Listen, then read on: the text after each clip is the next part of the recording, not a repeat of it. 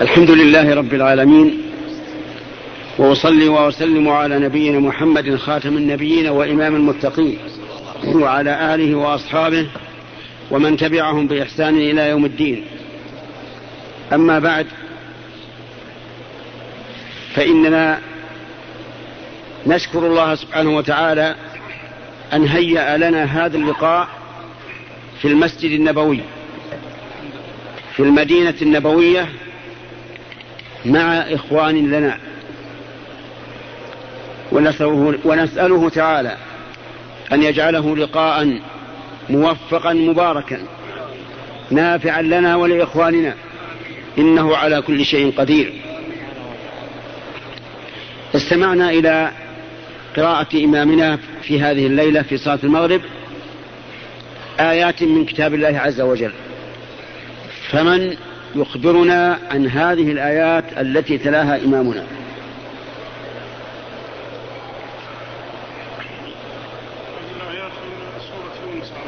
نعم. إن في خلق السماوات والأرض واختلاف الليل والنهار وما خلق الله في السماوات والأرض لآيات لقوم يتقون. أحسنت بارك الله إلى آخر ما قرأ. إن في خلق السماوات والأرض واختلاف الليل والنهار وما خلق الله في السماوات والأرض لآيات لقوم يتقون. جاء مثل هذه الآية في كتاب الله عز وجل في سورة آل عمران.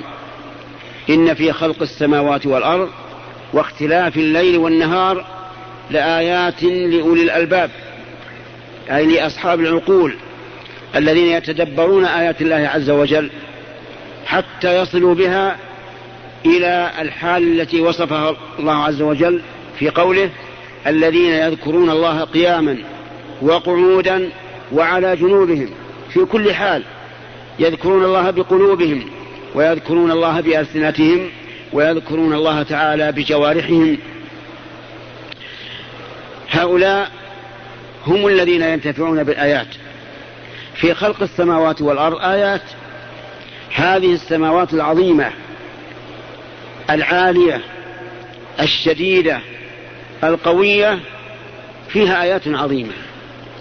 فيها الشمس والقمر والنجوم وغيرها من مما لا نعلمه. كل هذا من آيات الله. انظر إلى الشمس هذه الشمس التي تطلع من المشرق وتغرب من المغرب. هل يستطيع أحد أن يوجهها على العكس من هذا؟ أجيبه. لا. هل يمكن لأحد أن أن يردها من المغرب إلى المشرق؟ لا. ولهذا ذكر الله سبحانه وتعالى عن الذي حاج إبراهيم في ربه فقال له إبراهيم رب الذي يحيي ويميت. قال أنا أحيي وأميت. قال إبراهيم فإن الله يأتي بالشمس من المشرق فأتي بها من المغرب. فماذا كان الجواب؟ بهت الذي كفر والله لا يهدي القوم الظالمين. القمر قدره الله منازل حتى نعرف به عدد السنين والحساب. تجده ينزل كل ليلة منزلة, منزلة تختلف عن المنزلة الأخرى. فبينما تراه في, في الغر... عند الغروب في, في المغرب إذا به عند الغروب في المشرق. فهو عند الإبدار يكون عند الغروب في أي مكان. عند الإبدار يعني إذا تم أربعة عشر يوما أين يكون عند الغروب؟ يكون في المشرق يا أخواننا. يكون في المشرق. ويختلف أيضا عن هيئته في المغرب. عند الهلال تجده في المغرب لكنه صغير. عند نصف الشهر تجده في المشرق عند الغروب لكنه كبير. قد امتلأ نورا. من الذي يستطيع أن يملأ هذا الهلال نورا؟ الله عز وجل. من الذي يستطيع أن يقدره منازل؟ الله عز وجل. إذا في خلق السماوات في نجومها وشمسها وقمرها وفي نفس السماوات آيات عظيمة. يقول الله تبارك وتعالى وبنينا فوقكم سبعا إيش؟ شدادا أي قوية. ولهذا قال والسماء بنيناها بأيد أي بقوة. الأرض أيضا فيها فيها آيات. في خلق الأرض آيات عظيمة. فيها البحار والأنهار والأودية والأحجار والجبال والسهول وغير ذلك من مخلوقات الله. فيها المعادن. في الأرض قطع متجاورات. تجد هذه القطع جارة للقطع الأخرى وتختلف عنها اختلافا كثيرا. هذا حديد وهذا رصاص وهذا ذهب وهذا فضة وهذا معادن لا نعلمها. إذا فيها آيات. فيها آيات عظيمة. كما قال عز وجل وفي الأرض آيات لمن؟ للموقنين. إن في خلق السماوات والأرض واختلاف الليل والنهار. اختلاف الليل والنهار هل المراد اختلافهما في الحر والبرد أو في الطول والقصر أو فيما يحدث فيهما من الحوادث أو في الجميع؟ إننا سنعطيكم قاعدة وأظن أعطيناكم إياها سابقا. إذا كان القرآن أو السنة يحتمل معاني متعددة وليس بينها منافاة ولا مرجح لأحد على الآخر فإنها تشمل الجميع. إذا اختلاف الليل والنهار هل المعنى في الطول والقصر؟ نعم في الطول والقصر. بينما يكون الليل أطول ما يكون إذا به يرجع ويكون أقصر ما يكون وكذلك في النهار. هذا فيه عبر. من الذي يأتي بالليل إذا ذهب النهار الله. ومن الذي يأتي بالنهار إذا ذهب الليل؟ الله عز وجل ولا يستطيع أحد أن يفعل ذلك. قال الله تعالى قل أرأيتم إن جعل الله عليكم الليل سرمدا إلى يوم القيامة؟ من إله غير الله يأتيكم بضياء؟ الجواب لا أحد. أفلا تسمعون؟ قل أرأيتم إن جعل الله عليكم النهار سرمدا إلى يوم القيامة؟ من إله غير الله يأتيكم بليل تسكنون فيه؟ الجواب لا أحد. أفلا تبصرون؟ إذا اختلاف الليل والنهار طولا وقصرا من من آيات الله. اختلافهما حرا وبردا من آيات الله. أليس كذلك؟ بينما يكون الجو في يوم من الأيام حارا وهجا يكاد يقول الإنسان حولي نار قد أوقدت إذا به يكون باردا شديدا كأنه في ثلاجة. يجمد الماء في بعض الليالي. من الذي جعل هذا الاختلاف؟ الله عز وجل. سبحان الله تجد الجو كله كأنه في فريزر. من عند الله. تجده في, شدة الحرارة كأن نيرانا قد أوقدت حولك ويمر بك وهجها. كذلك أيضا اختلاف الليل والنهار فيما, فيما فيهما من الحوادث. وهذا أعظم وأعظم كما قال عز وجل وتلك الأيام نداولها بين الناس. بينما تجد هذا في غنى واسع. إذا به يعود فقيرا. وبينما ترى هذا فقيرا إذا به يعود غنيا. وبينما ترى هذا عزيزا إذا به يكون ذليلا. وما وبينما ترى هذا ذليلا إذا به يكون عزيزا. وبينما يرحمك الله وبينما ترى هذا مالكا إذا به يكون مملوكا. من الذي يقدر هذه الحوادث؟ الله عز وجل. ففيها آيات فيها عبر. الآن لو أن الإنسان فكر في التاريخ فكر في التاريخ وفكر أمما عظيمة بادت وكأن لم تكن. عاد استكبروا في الأرض وقالوا من أشد منا قوة؟ أين ذهبوا؟ عادوا عن آخرهم.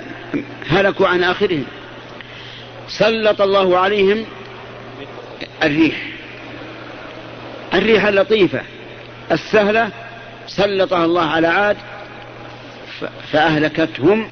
تدمر كل شيء بأمر ربها فأصبحوا لا يرى إلا مساكنهم. تنزع الناس كأنهم أعجاز نخل منقعر هذا من آيات الله عز وجل. أمم عظيمة فكر فيها. كيف بادت؟ كيف هلكت؟ كيف لم تكن شيئا مذكورا؟ انظر إلى عصرك الآن. ألستم أدركتم أناسا معكم على ظهر الأرض؟ يأكلون كما تأكلون ويشربون كما تشربون ويلبسون كما تلبسون ويتمتعون كما تتمتعون أين هم؟ أين هم؟ تحت التراب. ذهبوا. كأن لم يكونوا كأن لم يكونوا شيئا مذكورا. الإنسان الآن قبل ولادته لم يكن شيئا مذكورا. كما قال عز وجل هل أتى على الإنسان حين من الدهر لم يكن شيئا مذكورا. وبعد موته يكون مذكورا لكنه ليس يعني كأنه لم يكن على الأرض لكنه يذكر. الإنسان قبل ولادته لا تستطيع أن تتحدث عنه لكن بعد موته تستطيع أن تتحدث. وفي هذا يقول الشاعر الحكيم بين يرى الإنسان فيها مخبرا حتى يرى إيش؟ خبرا من الأخبار. الآن نحن أحيا نخبر عن من مضى عن, مضى عن من مضى وسيكون سيأتي اليوم الذي نكون خبرا يخبر عنا وقال فلان كان في هذا المكان كان يقول كذا كان يفعل كذا وليس بشيء. راح إلى الآخرة. وقت إن, إن في خلق السماوات والأرض واختلاف الليل والنهار وما خلق الله في السماوات والأرض لآيات لقوم يتقون. لكن هذه يا أخواني تحتاج إلى تفكير. نحن نقرأ القرآن لكننا لا نفكر في المعنى. ولذلك ينقصنا كثيرا من آيات الله عز وجل لأننا لا نفكر بينما الصحابة رضي الله عنهم. أتدرون كيف يفعلون في القرآن؟ إنهم كانوا لا يتجاوزون عشر آيات حتى يتعلموها. وما فيها من العلم والعمل. قالوا فتعلمنا القرآن والعلم والعمل جميعا. أكثرنا اليوم يقرؤون القرآن للثواب فقط للتبرك به. ولا شك أن هذا قصد حسن لكن يجب أن يضاف إليه شيء آخر وهو التدبر. ثم الاتعاظ والتذكر ولهذا قال الله تعالى كتاب أنزلناه إليك مبارك ليدبروا آياته وليتذكر أولو الألباب. لا بد من تدبر لا بد من اتعاظ وتذكر حتى ننتفع. ثم قال عز وجل لقوم يتقون أي يتقون الله. وتقوى الله أوجزها لكم بكلمتين هي عن التقوى اتقاء ما يوجب العقاب والعذاب. اتقاء ما يوجب العذاب والعقاب.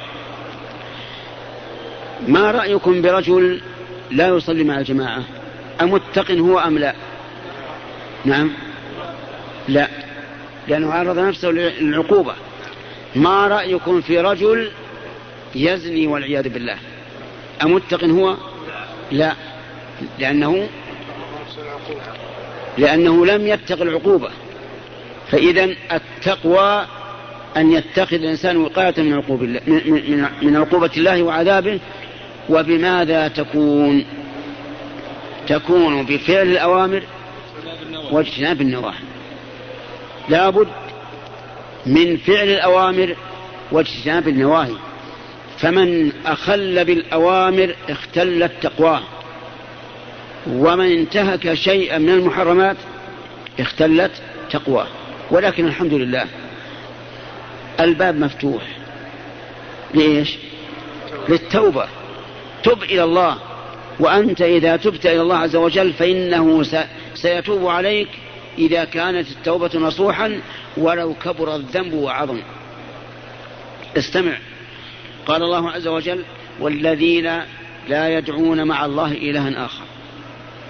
يعني لا يشركون ولا يقتلون النفس التي حرم الله إلا بالحق ولا يزنون. ومن يفعل ذلك يلقى أثاما يضاعف له العذاب يوم القيامة ويخرج فيه مهانا إلا من تاب. إلا من تاب. تاب منين؟ من الشرك وقتل النفس والزنا. هذه من أعظم المحرمات. عدوان في حق الله عدوان في حق عباد الله بالقتل عدوان على أراضي الناس بالزنا ومع هذا مع كبر هذه الذنوب إذا تاب الإنسان وعمل عملا صالحا فإن الله قال فأولئك يبدل الله سيئاتهم حسنات. اقرأ لا يا أخ شوف هذا. اقرأ الآية. ما يسمع عيد الآية اقرأها. قم. ما تحفظها؟ لا حول ولا قوة إلا طيب. والذين لا يدعون مع الله إلها آخر.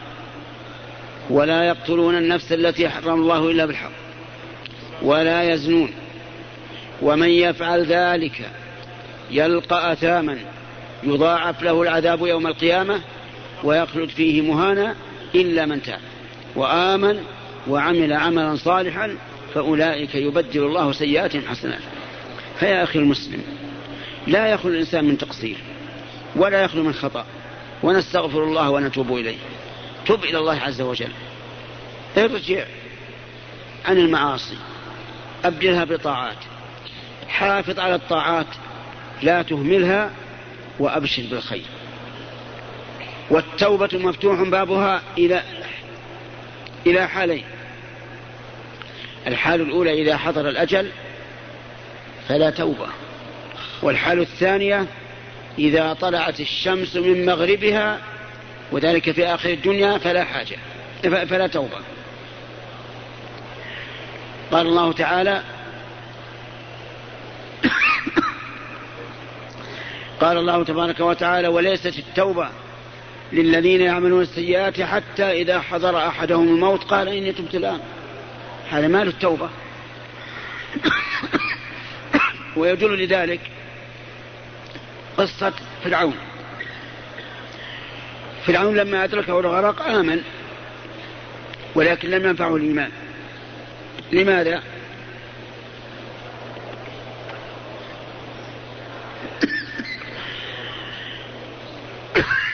نعم. نعم لأنه وصل إلى الموت. ولهذا قيل له الآن وقد عصيت قبل وكنت من المفسدين. كذلك إذا طلعت الشمس من مغربها فإن الناس إذا رأوها آمنوا أجمعون ولكن يقول الله عز وجل يوم يأتي بعض آيات ربك لا ينفع نفسا إيمانها لم تكن آمنت من قبل أو كسبت في إيمانها خيرا قل انتظروا إنا منتظرون. إن الذين لا يرجون لقاءنا. ورضوا بالحياة الدنيا واطمأنوا بها والذين هم عن آياتنا غافلون أولئك مأواهم النار بما كانوا يكسبون. استمع. أربعة أربعة أوصاف. إن الذين لا يرجون لقاءنا. هذا واحد. ورضوا بالحياة الدنيا. واطمأنوا بها. والذين هم عن آياتنا غافلون. هذه الأوصاف الأربعة يستحق من اتصف بها ما ذكره الله تعالى أولئك مواهم النار. لا يرجون لقاءنا يعني لا يؤمنون بلقاء الله. لأن من آمن بالشيء رجاه لكن هم لا يؤمنون بلقاء الله. مثل مثل الذين ينكرون البعث ويقولون ما هي إلا حياتنا الدنيا نموت ونحيا وما يهلكنا إلا الدهر. ويقولون ائتوا بآبائنا إن كنتم صادقين.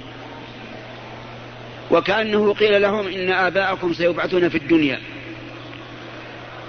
والخبر عن البعث إنما يكون في الآخرة بعد أن يموت الناس. لكن هؤلاء يجادلون بالباطل ليدحضوا به الحق. ولهذا أقول يا أخي صحح عقيدتك. صحح العقيدة. اعلم أنك ستلاقي ربك. كما قال عز وجل يا أيها الإنسان إنك كادح إلى ربك كدحا فملاقيه. لا بد حتى أن النبي صلى الله عليه وعلى آله وسلم قال ما منكم من أحد إلا سيكلمه ربه ليس بينه وبينه ترجمان فيرى أيمن منه فلا يرى إلا ما قدم ويرى أشأم منه يعني الشمال فلا يرى إلا ما قدم وينظر تلقاء وجهه فلا يرى إلا النار تلقاء وجهه فاتقوا النار ولو بشق تمرة. لا بد من ملاقاة الله. الله أكبر. لا بد. استعد لهذا اللقاء. بماذا تجيب ربك؟ استعد لهذا. ورضوا بالحياة الدنيا. واطمأنوا بها. رضوا بها بدلا عن الآخرة. واطمأنوا بها استقروا ورأوا أنها هي قرارهم أنها هي قرارهم وأنه لا بعث وما أكثر الذين يرضون بالحياة الدنيا اليوم ويطمئنون بها ولكنهم لا يرجون لقاء الله. نسأل الله العافية. والذين هم عن آياتنا غافلون. يعني غافلون عن آيات الله أي عن وحيه الذي أنزله على رسله وعن مخلوقاته التي أمروا أن يتفكروا فيها. غافلون أولئك مأواهم النار. جزاء مأواهم النار بما كانوا يكسبون أي بسبب كسبهم. ويستفاد من قول الله عز وجل مأواهم النار أن هناك مأوى بعد القبر وأن القبور ليست النهاية. هناك ما بعد القبور إما جنة وإما وإما نار. وبهذا نعرف خطأ الكلمة المشهورة عند الناس وهي قولهم في الميت انتقل إلى مثواه الأخير. هذه كلمة خطيرة. يعني لو كان الإنسان يريد مدلولها لكان لازمه إنكار البعث. لأنك إذا جعلت القبر هو المثوى الأخير معناه إيش؟ معناه لا بعث وهذه كلمة خطيرة. وكثير من الناس اليوم يأخذون الكلمات على علاتها ولكن ولا يفكرون في المعنى. وهذا غلط. المثوى الأخير هو إما الجنة وإما النار. أما القبر فإنه معبر معبر يعبرون الناس إلى إلى البعث. ومن ورائهم برزخ إلى إلى يوم يبعثون. هنا قصة. يقول إن رجلا كان يقرأ. ألهاكم التكاثر حتى زرتم المقابر. فسمعه أعرابي.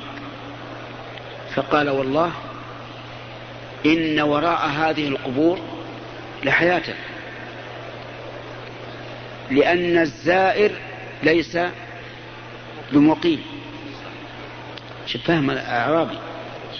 الأعراب أحيانا يأتون بفهم يغيب عن كثير من الناس. الزائر ينزل عند عند صاحبه مدة ثم يرجع إلى بلده. أليس كذلك؟ وهنا سمى الله تعالى الدفن سماه زيارة. فقال حتى زرتم المقابر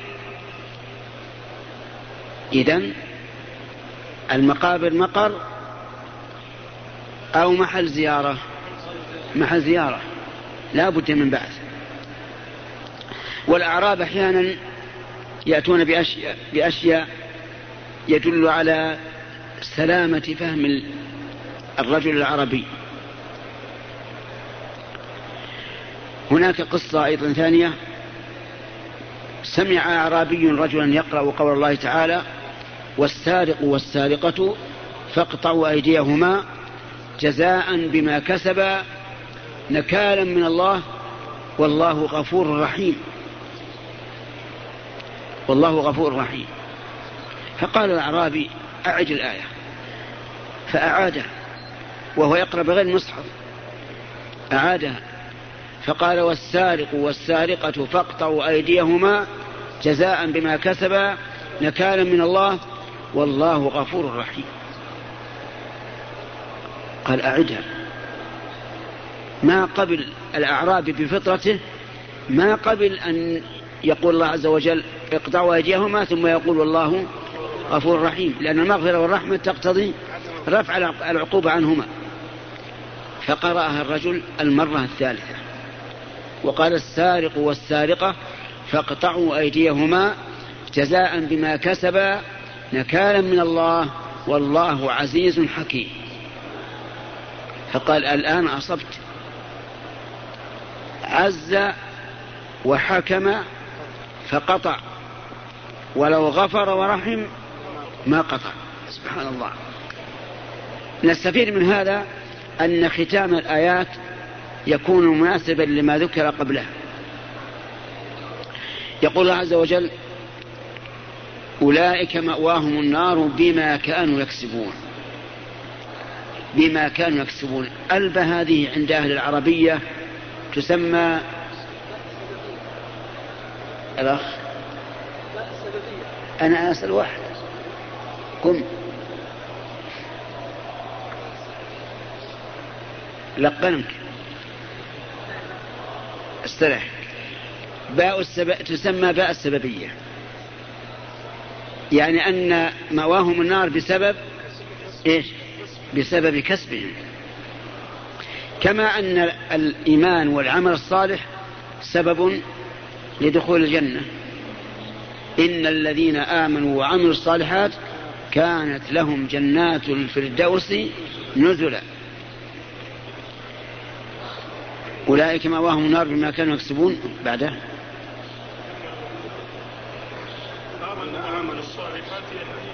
نعم. لما ذكر حال المعرضين بين حال المقبلين إلى الله. فقال إن الذين آمنوا وعملوا الصالحات يهديهم ربهم بإيمانهم. اللهم اجعلنا منهم. إن الذين آمنوا أي آمنوا بما يجب الإيمان به. ولا أحد أبين تفسيرا ولا أصدق تفسيرا من تفسير النبي صلى الله عليه وعلى آله وسلم. بماذا فسر الإيمان؟ قل ما هو الإيمان؟ أسأل. خاص. سأل جبريل النبي صلى الله عليه وسلم فقال ما الإيمان؟ اصبر يا أخي. ماذا قال الرسول؟ استرح قم بارك الله فيك سأل جبريل النبي صلى الله عليه وعلى آله وسلم قال ما الإيمان؟ فماذا قال؟ كم أركان الإيمان؟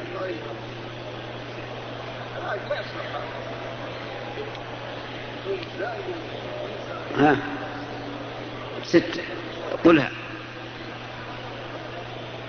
أن تؤمن بالله وملائكته وكتبه ورسله واليوم الآخر. والقدر خيره وشره. أحسنت. اسرع إذا قيل الذين آمنوا بماذا؟ نقول أصدق التفاسير وأحسنها وأوثقها تفسير من؟ تفسير النبي صلى الله عليه وسلم. وقد سأله جبريل ما الإيمان؟ قال أن تؤمن بالله وملائكته وكتبه ورسله واليوم الآخر والقدر خيره وشره. طيب. عامل الصالحات يعني عامل الأعمال الصالحات. فما هي الأعمال الصالحات؟ الأعمال الصالحات كل ما أمر الله به فهو عمل صالح. لكن لابد أن يتضمن شيئين. الأول الإخلاص لله عز وجل. والثاني المتابعة لرسول الله صلى الله عليه وعلى آله وسلم. فمن عمل عملا برياء أيكون عمله صالحا؟ عجيب يا أخوان. لا. لماذا؟ لأن الرياء شرك. قال الله تعالى في الحديث القدسي أنا أغنى الشركاء عن الشرك من عمل عملا أشرك فيه معي غيري تركته وشركه. ولهذا كان الإصرار بالعبادة أفضل من الجهر بها إلا إذا تضمن الجهر بها فائدة. فيكون الجهر أفضل. وإلا فالأصل أن إصرار العبادة أفضل ما لم يتضمن مصلحة. فإن تضمن مصلحة كرجل مثلا تصدق وأظهر صدقته من أجل أن يقتدي الناس به. هذا مصلحة. ولهذا ما مدح الله امتدح الله الذين ينفقون سرا وعلانية. طيب. إذا الإيمان نعم العمل الصالح لا بد فيه من الإخلاص. لا بد فيه من المتابعة للنبي صلى الله عليه وعلى آله وسلم. فمن عمل عمل ليس عليه أمر الله ورسوله فهو مردود. مهما كان من الاجتهاد ومهما كان من رقة القلب ومهما كان من خشوع القلب ومهما كان من بكاء العين في العمل إذا لم يكن على سنة الرسول صلى الله عليه وعلى آله وسلم فهو مردود. لا يقبل. حتى لو أن الإنسان بكى وخشع قلبه ولان قلبه فإن هذا من الابتلاء. إذا كان إذا كان العمل ليس على أمر الله ورسوله. وقوله عز وجل يهديهم ربهم بإيمانهم أي يوفقهم للعمل الصالح بإيمانهم أي بسبب الإيمان لأنه كلما ازداد إيمان الإنسان ازداد عملا صالحا وهداية. ولهذا يسأل الآن كثير من الطلبة يسأل يقول تشكل علي بعض الأمور في العلم وأنسى فما هو الطريق إلى حفظ العلم والتوسع فيه الطريق إيش؟ الإيمان. كلما كان الإنسان أكثر إيمانا بالله وأقوى إيمانا بالله كان أكثر هداية. قال الله تعالى والذين اهتدوا زادهم هدى وآتاهم تقواهم. يهديهم ربهم بإيمانهم تجري من تحتهم الأنهار. تأمل قوله يهديهم ربهم بإيمانهم تجري. قد تقول ما هي العلاقة؟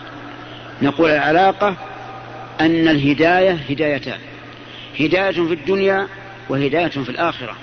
فمن اهتدى في الدنيا لطريق الله هدي في الآخرة لطريق الجنة. ولهذا قال تجري من تحتهم الأنهار في جنات النعيم. جعلني الله وإياكم من هؤلاء. إنه على كل شيء قدير. دعواهم فيها. أي في الجنة يعني شأنهم وأمرهم سبحانك اللهم وبحمد سبحانك اللهم وتحيتهم فيها سلام. يعني أنهم يلهمون التسبيح كما يلهمون النفس. دائما يسبحون الله عز وجل ويحمدون الله ويتقر ويتلذذون بذلك الذكر لأنهم ألهموا إياه. وتحيتهم فيها سلام. نعم. يعني أن بعضهم يحيي بعضا بالسلام. يعني بالسلامة من كل نقص ومن كل عيب ومن كل تكدير لأن أهل الجنة كما قال الله عز وجل لا يمسهم فيها نصب وما هم منها بمخرجين. لا يتعب الإنسان. لا تعبا فكريا. ولا تعبا جسميا ولا يخرج منها ولا يمرض ولا يجوع ولا يموت بل ولا ينام. من كان في الجنة لا ينام. ولعلك تسأل ليش ما ينام؟ النوم لنا راحة. والذي لا ينام يقال إنه في الدنيا يعني. يقال هذا متعب مريض. فكيف لا ينام أهل الجنة؟ نقول نعم لا ينامون. لأنهم لو ناموا لا لحرموا لذة النعيم حال نومهم. ونعيم الجنة دائم مستمر. ولأن النوم إنما يحتاج فيه يحتاج إليه الإنسان في الدنيا من أجل نقض التعب السابق وتجدد القوة للاحق أليس كذلك؟ ولهذا كلما كان الإنسان أتعب كان إلى النوم أشوق. فأهل الجنة مبرؤون من كل عيب من كل نقص. ولهذا قال في جنات النعيم. النعيم القلبي والنعيم البدني. في الدنيا قد ينعم الإنسان في قلبه وبدنه إذا من الله عليه نعم الرمال الصالح عند الرجل الصالح. وقد ينعم في بدنه ولا ينعم في قلبه. كثير من الناس عنده أموال كثيرة لا يحصيها إلا الله. وبيوت وقصور وسيارات فخمة وبنون وزوجات. لكن قلبه في نكد دائم. هل ينتفع بهذا النعيم؟ لا. لا والله. كم من إنسان بالعكس ليس عنده مال ولا أهل ولا بنون لكنه منعم القلب بذكر الله تعالى وطاعته. أيهما أسر؟ الأول والثاني. الثاني أسر ولهذا قال بعض السلف لو يعلم الملوك وأبناء الملوك ما نحن فيه لجالدون عليه بالسيوف. ولا أحد أطيب قلبا ولا أنعم بالا من المؤمن التقي. قال الله تعالى من عمل صالحا من ذكر أو أنثى وهو مؤمن فلنحيينه حياة طيبة. لم يقل فلنكثرن ماله وولده قال لنحيينه حياة طيبة. فهو في سرور, في سرور القلب دائما. جنة الخلد جعلني الله وإياكم منها بمنه وكرمه. جنة الخلد جنة نعيم نعيم قلب ونعيم بدن. فهم دائما في سرور دعواهم فيها سبحانك اللهم وتعينهم بسلام وآخر دعواهم أن الحمد لله رب العالمين. يختمون كل ما يحصل بالحمد. إن أكلوا حمدوا إن شربوا حمدوا إن باشروا أهليهم حمدوا كل شيء يختمونه بالحمد لله رب العالمين. ثم ذكر الله تعالى وبقية في بقية الآيات أنه لو يعجل الله الشر للناس استعجالهم بالخير لقضي إليهم أجلهم.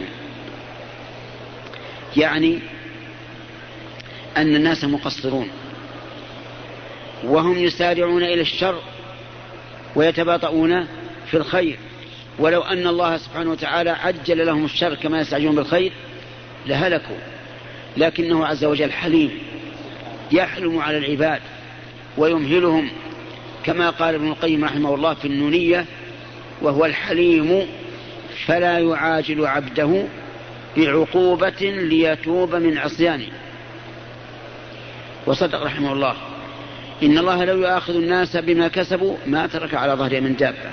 ولهذا قال لقضي إليهم أجلهم فنذر الذين لا يرجون لقاءنا في طغيانهم يعمهون.